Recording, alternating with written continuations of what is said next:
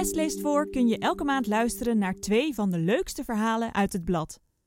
Volg ons op Spotify, iTunes of Soundcloud om niks te missen. Dit is Lekker Afzien. Ik moet nog even. Ik zweet al flink, maar het gaat lekker. Ik zie het pad de berg op zich zaggen. Daar gaan we naar boven. Het is steil. Stapje voor stapje in een vast ritme kom ik na een uur met mijn rugzak van 12 kilo boven. Ik heb de berg pas gehaald. Hierna kronkelt het pad weer naar beneden. Ik voel elke spier in mijn benen. Het zweet gutst van mijn voorhoofd en het voelt heerlijk. Afzien in de bergen is wel aan mij besteed. Zonder zweet is het toch minder genieten. Datzelfde heb ik ook met hardlopen en racefietsen. Het allerlekkerst is het als je tegen de grens van je kunnen presteert. Het moet in ieder geval een beetje zwaar zijn. Niet dat het tijdens die krachtsinspanning altijd even lekker voelt, maar dan toch meestal wel erna. Wat is er toch zo lekker aan jezelf in het zweet werken? Denk je nu, die is gek, er is helemaal niets leuks aan zweten? Dan sta je niet alleen. Er zijn genoeg mensen die er niet aan moeten denken. Wat maakt dat je een beetje lichamelijke inspanning wel of juist niet weet te waarderen? Veel mensen voelen zich fijn na een activiteit als hardlopen of een sessie bij de fitness. Tal van onderzoeken tonen aan dat mensen een aangename sensatie en een beter humeur ervaren na het sporten. Ze voelen zich bijvoorbeeld kalmer, energieker en plezieriger dan daarvoor. Eventuele negatieve gevoelens zoals angst en boosheid nemen af. Het kan verschillende redenen hebben dat lichamelijke inspanning je een goed gevoel geeft. Mensen hebben een basale behoefte om zich competent te voelen, om ergens goed in te zijn, weet Nico van Iperen. Hij is hoogleraar psychologie van sport en presteren aan de Rijksuniversiteit Groningen.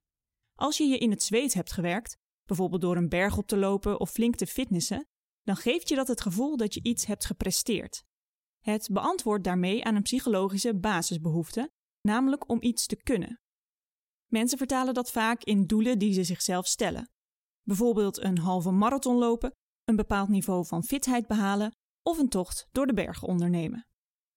Elke keer dat je iets doet om dat doel te behalen, bijvoorbeeld een bergpas oversteken of een intervaltraining volgen, geeft dat een gevoel van competentie en controle, legt Van Iperen uit.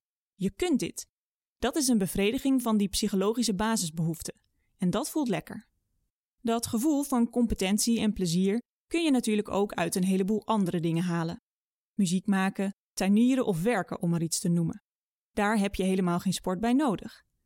Maar er is ook een lichamelijke verklaring waarom fysieke inspanning zo lekker kan voelen. Van Iperen zegt: Je spieren staan een beetje op spanning. Je voelt je lichaam beter. Je voelt dat je iets gedaan hebt. Die fysieke gewaarwording kan ook heel belonend werken. Bovendien komen er allerlei stofjes vrij in je brein die voor dat lekkere gevoel zorgen.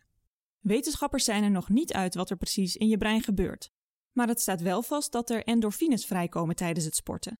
Dat zijn neurotransmitters die onder andere voor een plezierig en voldaan gevoel zorgen. Onderzoekers van de Technische Universiteit München en de Universiteit Bonn toonden dat in 2008 voor het eerst ook echt aan.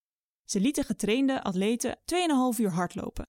Met behulp van een PET-scan maten ze voor en na het rennen de hoeveelheid endorfines in hun brein. Na de lichamelijke inspanning hadden de renners meer endorfines aangemaakt dan daarvoor. Dat was vooral te zien in gebieden van het brein die zorgen voor onderdrukking van pijn en het verwerken van emoties. Na het rennen ervoeren de lopers ook meer euforie en geluk dan voor het rennen. Hoe intenser de lopers een soort runners high voelden, hoe meer endorfines ze hadden aangemaakt. Dat fijne gevoel dank je voor een deel ook aan de pijnstillende werking van endorfines. Uit verschillende onderzoeken blijkt dat een beetje lichamelijke inspanning je minder gevoelig maakt voor pijnprikkels. Zo zagen onderzoekers van de Ohio State University in 2008 dat recreatieve sporters na een krachttraining van een kwartier pijnprikkels als minder pijnlijk ervoeren dan daarvoor. Ditzelfde blijkt uit onderzoek bij fietsers, hardlopers en zelfs bij zwemmende dieren. Het maakt daarbij wel uit hoe intensief en hoe lang je je inspant. Volgens onderzoekers van onder andere de University of California at Davis werkt het bijvoorbeeld niet als je minder dan 10 minuten hardloopt of als je zo langzaam loopt dat je je nauwelijks hoeft in te spannen. Endorfines zijn waarschijnlijk niet de enige stoffen die een rol spelen bij het onderdrukken van pijn en een plezierig gevoel geven.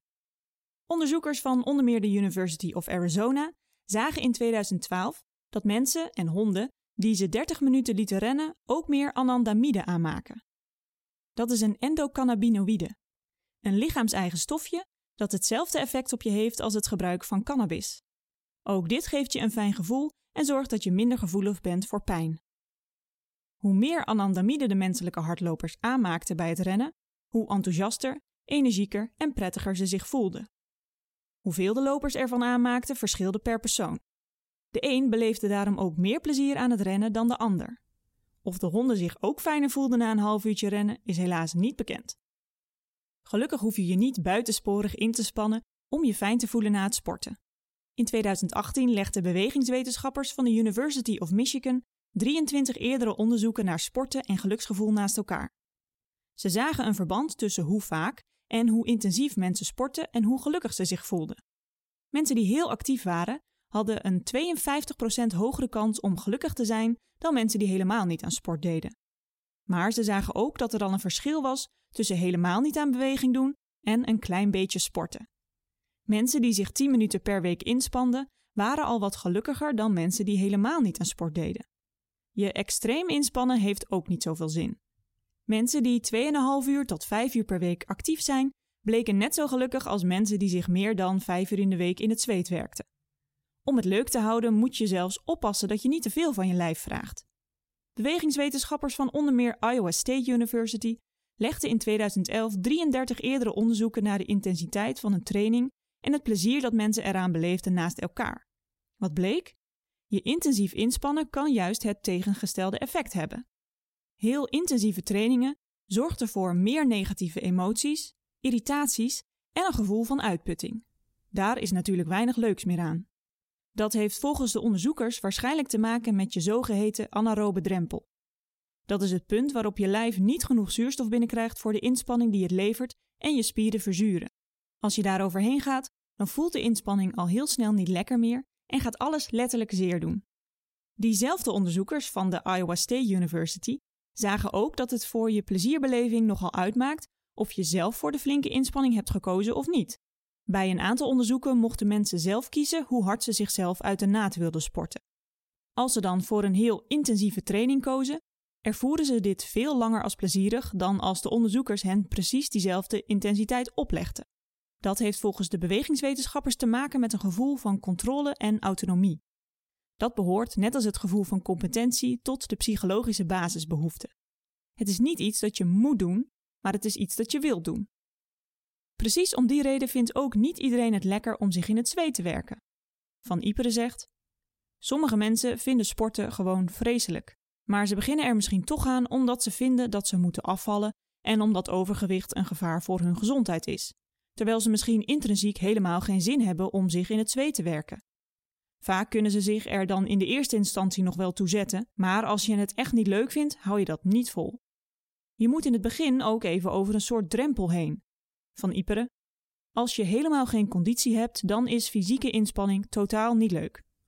Volgens de eerder genoemde onderzoekers van de University of Arizona, die honden en mensen op de loopband zetten, maak je pas genoeg anandamide aan om je een goed gevoel te geven als je je flink inspant. Na een half uur wandelen op de loopband gebeurde dit nog niet. Na een half uur rennen wel. Mensen die geen conditie hebben, zullen dan ook eerst een beetje moeten afzien zonder dat prettige gevoel. Ze moeten volgens de onderzoekers eerst fit genoeg worden om die intensiteit waarbij je genoeg van dit goedje aanmaakt, überhaupt aan te kunnen. Het kan je dan overigens nog wel op andere manieren een fijn gevoel opleveren. Als je zonder conditie afwisselend 200 meter dribbelt en wandelt en zo een kilometer aflegt, levert dat geen runners high op. Maar het kan wel heel goed zijn voor je zelfvertrouwen en je gevoel van competentie dat zoiets je lukt. Dit geldt misschien ook wel voor mij in de bergen, waar het wandelen soms ook letterlijk pijn doet. Mijn conditie is dan eigenlijk niet goed genoeg. Maar ik heb het mooi wel gehaald. En dat biertje in de berghut maakt natuurlijk ook veel goed.